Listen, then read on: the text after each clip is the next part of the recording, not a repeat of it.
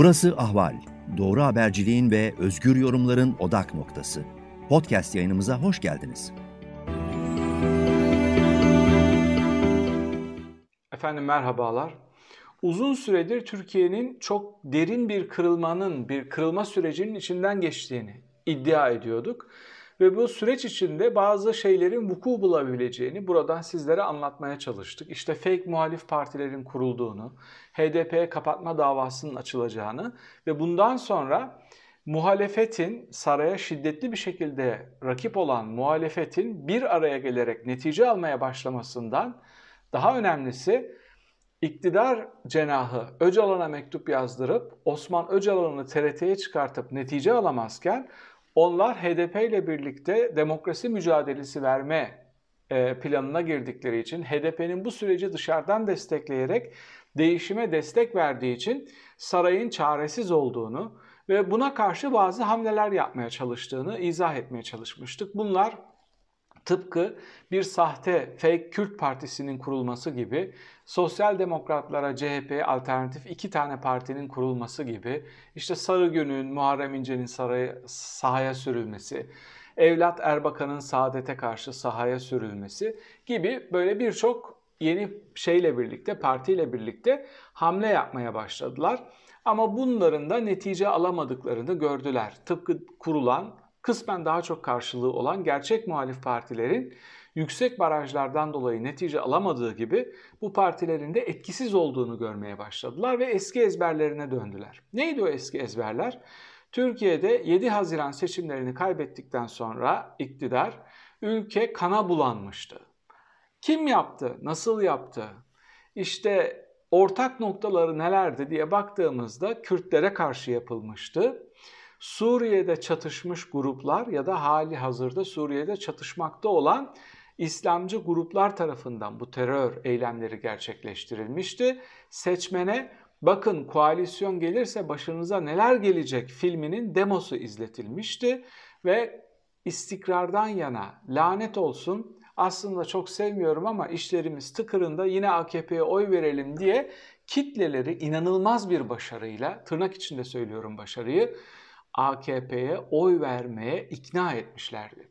Şimdi aynı noktadayız. AKP yine iktidarı kaybettiği net bir şekilde görülüyor. Erdoğan'ın iki önemli belediye başkanına karşı seçimi kazanamadığı net bir şekilde görülüyor. Kendi anketlerinde de görülüyor. Sadece tarafsız işte metropol gibi tarafsız çalışan herhangi bir yere angaja çalışan anket firmalarının değil kendi saraya çok yakın ORC gibi anket firmalarının ortaya koyduğu performans da sarayın bir çıkmaz sokağa girdiğini, yaşadığı ekonomik, siyasal, hukuki iflasla birlikte gençlere umut veremediğini, yeni seçmene umut veremediğini, aslında insanların çok geniş bir kitlenin artık bu adamlardan bıktığını göstermekte. Peki nereye getireceğiz lafı? Bu elim saldırıya. Dün çok acımasız bir şekilde gencecik bir kız Deniz Poyraz İstanbul HDP düzeltiyorum İzmir HDP il başkanlığında katledildi. Katleden e, katilin tıpkı 7 Haziran'la 1 Kasım seçimleri arasında e, katliamları yapanlarla ortak özelliği Suriye'de daha önce çatışmış olması, Suriye dönüşü fotoğraflar yayınlamış işte görevi tamamladık geriye döndük. Suriye'deki cephede çekilmiş fotoğrafları var. Yani Türkiye'de şimdi öncelikle bu katliamın siyasi şeyini yorumlayacağız ama bir de böyle bir boyutu var. Yani bu Suriye çatışması sadece göçmen getirmedi Türkiye'ye. Daha önce hatırladığımız birçok Rayna katliamı gibi birçok büyük katliam var. Ee, Karlov suikastı gibi Büyükelçi Karlov'un e, katledilmesi gibi El Nusra biliyorsunuz onu derhal üstlenmişti. Muhtemelen MIT'in uyarısıyla geri adım atmışlardı ve onu kendi istedikleri bir yere yazma çabasına girmişlerdi. Yani Suriye'nin içeriye bıraktığı tortu sadece 4 milyonluk zavallı bir göçmen grubu değil, bu göçmen grubuyla içeri sızmış e, yapılar artı bu göçmen grubuyla birlikte artık orada savaşı kaybetmiş ama başından beri sarayın beslediği, organize ettiği adam öldürmeyi öğrenmiş insanların geri dönmüş olması. Şimdi bunları iki açıdan inceleyeceğiz. Bir, hali hazırda böyle nokta atışı operasyonlarda bu adamların kullanılıyor oluşu. Hepimiz şunu biliyoruz. Hepimiz. Deniz Poyraz'ı katleden kendi başına oraya gitmedi. Ona silah taşıma yetkisini verenler, onu daha önce Suriye taşıyanlar, Suriye'den geri döndükten sonra ona iş verenler, hatta katliamı yaptıktan sonra daha önce Suriye'de çatışmış bir milis değil de eski bir sağlık çalışanı diye onu lanse edenler. Bu planın bir parçasıdır ve Türkiye adım adım çok çok derin bir kaosa doğru yol almaktadır. Bu kaosun işaret fişeğini Erdoğan vermişti. Ee, Meral Akşener'e yönelik saldırıdan sonra, Rize'deki saldırıdan sonra çıkıp durun bakalım bunlar daha iyi günleriniz, daha neler olacak, neler dediği gün bizde neler olacak?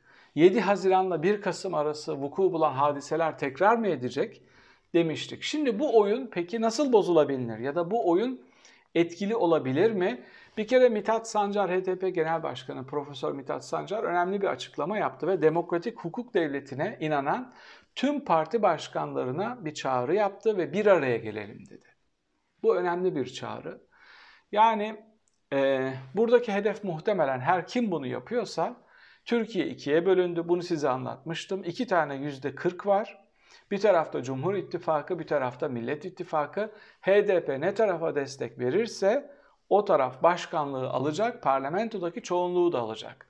Peki hepimiz şunu iyi biliyor muyuz? HDP içinde MHP'nin olduğu ve AKP'nin olduğu bir e, koalisyonun diyelim birlikteliğin içinde olma ihtimali yok. O zaman ne yapmanız gerekiyor? HDP ile Millet İttifakı'nı bir araya getiremeyecek şekilde Kürt sorununu kaşımanız, milletin, seçmenin hassasiyetini bunlar terörist noktasına çevirmeniz gerekiyor. Eğer bunlar doğruysa ne olacak demektir? Tıpkı 80 öncesi günlerde yaşadığımız gibi şimdi karşı saldırılar olacak. Yani askerler tuzağa düşürülecek, milliyetçi kimliği olan insanlar katledilecek.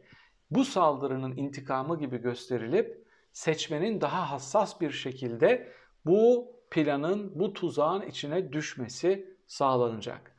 Peki en önemli soru şu. Ben lafı dolandırıp anlatıyorum ama bunu kim yaptı? Bunu kim yapmış olabilir? Ben Türkiye'de vuku bulan hadiselere şöyle bakıyorum. Türkiye'de artık tek bir güç vardır. Tüm kurumlar, tüm yapılar, tüm finans kaynakları, tüm istihbarat birimleri bir kişinin elindedir. Onun izni, bilgisi olmaksızın Türkiye'de vuku bulacak hadiselerin sayısı oldukça azdır aksini ispat etme şansları elindedir. Türkiye'de son dönemde vuku bulan terör olaylarının tamamına yakını Suriye'de çatışmış, daha önce Suriye geçmişi olan gruplar tarafından ifa edilmiştir. Şayet yarın Türkiye'de bu tür gruplara, elinde silah olan, silah kullanmayı bilen insanlara yönelik çok büyük bir operasyon yapılır. Ülke tarak gibi taranır ve bunlar ayıklanır, gözlem ve kontrol altına alınırsa biz şunu diyebiliriz biz e, durum bakalım daha neler olacak e, ifadesini yanlış anlamışız. Çok yanlış yorumlamışız diyebiliriz. Ama Türkiye'de böyle bir şey yapılmadı. Daha kötüsü ne biliyor musunuz? Daha kötüsü şu.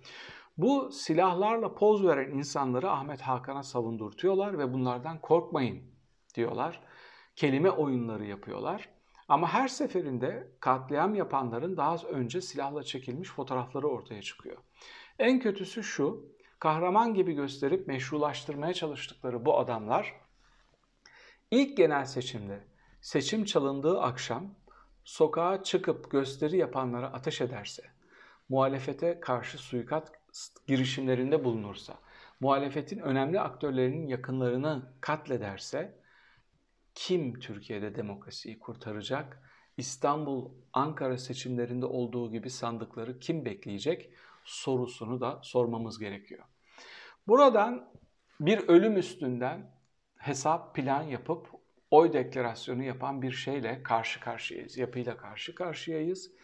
Bu hadiselerin tamamı bize şunu gösteriyor. Karşımızdaki yapı kontrolü kaybetmiş durumda. Meşru enstrümanlarla ülkeyi bir yere çekemiyor, oy oranını artıramıyor, dahası erimeyi durduramıyor, ekonomik iflasa bir çare bulamıyor.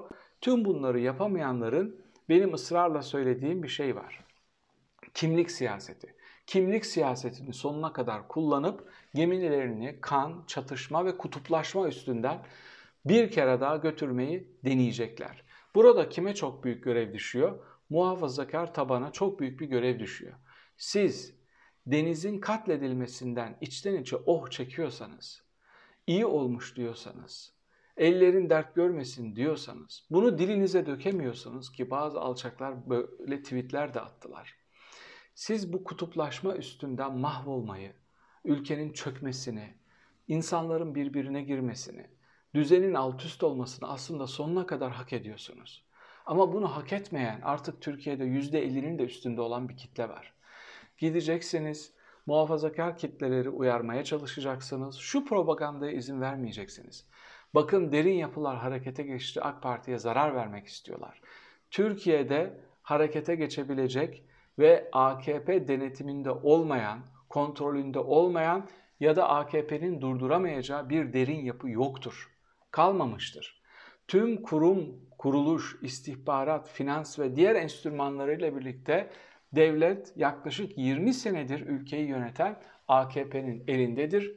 Devleti iliklerine kadar eline geçirmişlerdir ve buradan kara propaganda yapmalarına kesinlikle müsaade etmemeniz. Hatta bu tür hadiselerin tekrar bulduğu takdirde saraya çok sert bir ders vereceğinizi söylemeniz gerekmektedir. Keşke muhalif liderler bu cenaze törenine kol kola katılsalar. Ne yapmaya çalıştığınızı görüyoruz. İktidarı da davet etseler, hatta MHP'yi de davet etseler. Gelin şu gencecik kızın cenazesinde kol kola girelim ve bu ülkeye kötülük yapmaya çalışanlara karşı bir ders verelim çağrısında bulunsalar. Keşke muhalefet bu cesareti gösterebilse. Bu cesareti gösterebilir de bu hamleleri yapanların üstüne giderseniz ancak bunların tekrarlamasına mani olabilirsiniz. Bunlar bu yola girdiler. Buradan vazgeçmeyecekler. İktidarı bir samimiyet testine tutmak zorundasınız. Türkiye'de bu tür katliamları yapan ve yapma ihtimali olan insanların üstüne gidecek şekilde hamle yapmak zorundasınız. Zira biz bu sürecin nasıl başladığını çok iyi biliyoruz. HDP'ye kapatma davasının açıldığı gün hepimiz ülkeyi kaosa sokmak istediklerini gördük. Ülkeyi çatışmacı bir sürece sokmak istediklerini gördük. Muhalefetin HDP ile aynı fotoğraf karesinde buluşamayacağı İstanbul ve Ankara seçimlerinde olduğu gibi devrim mahiyetinde bir koalisyon, seçim koalisyonu, seçim ittifakı ya da dolaylı bir seçim ittifakı kurmasına mani olacaklarını, olmaya çalışacaklarını gördük. AKP maalesef ve maalesef tıpkı tahmin ettiğimiz gibi final senaryoları içindeki en berbatını, en çirkinini, en kanlısını seçti.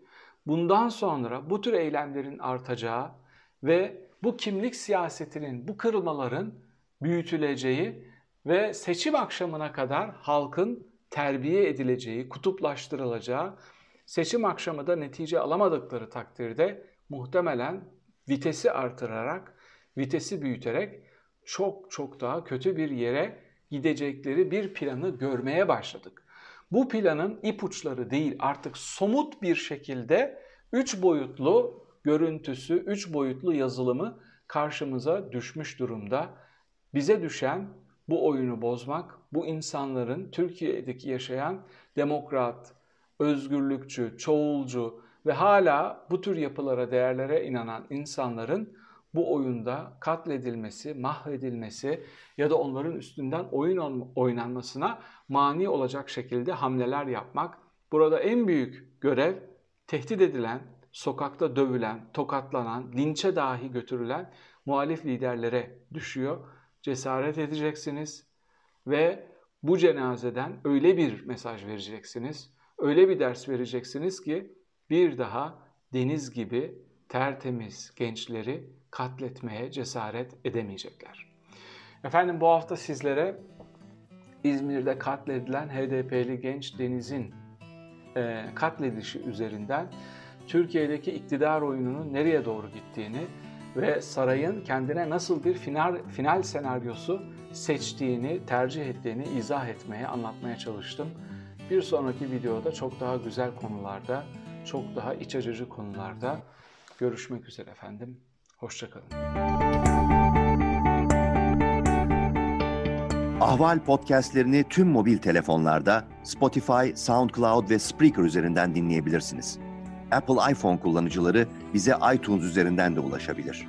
Türkiye'nin ve hayatın cıvıl cıvıl sesleri Ahval Podcast dizisinde. Kulağınız bizde olsun.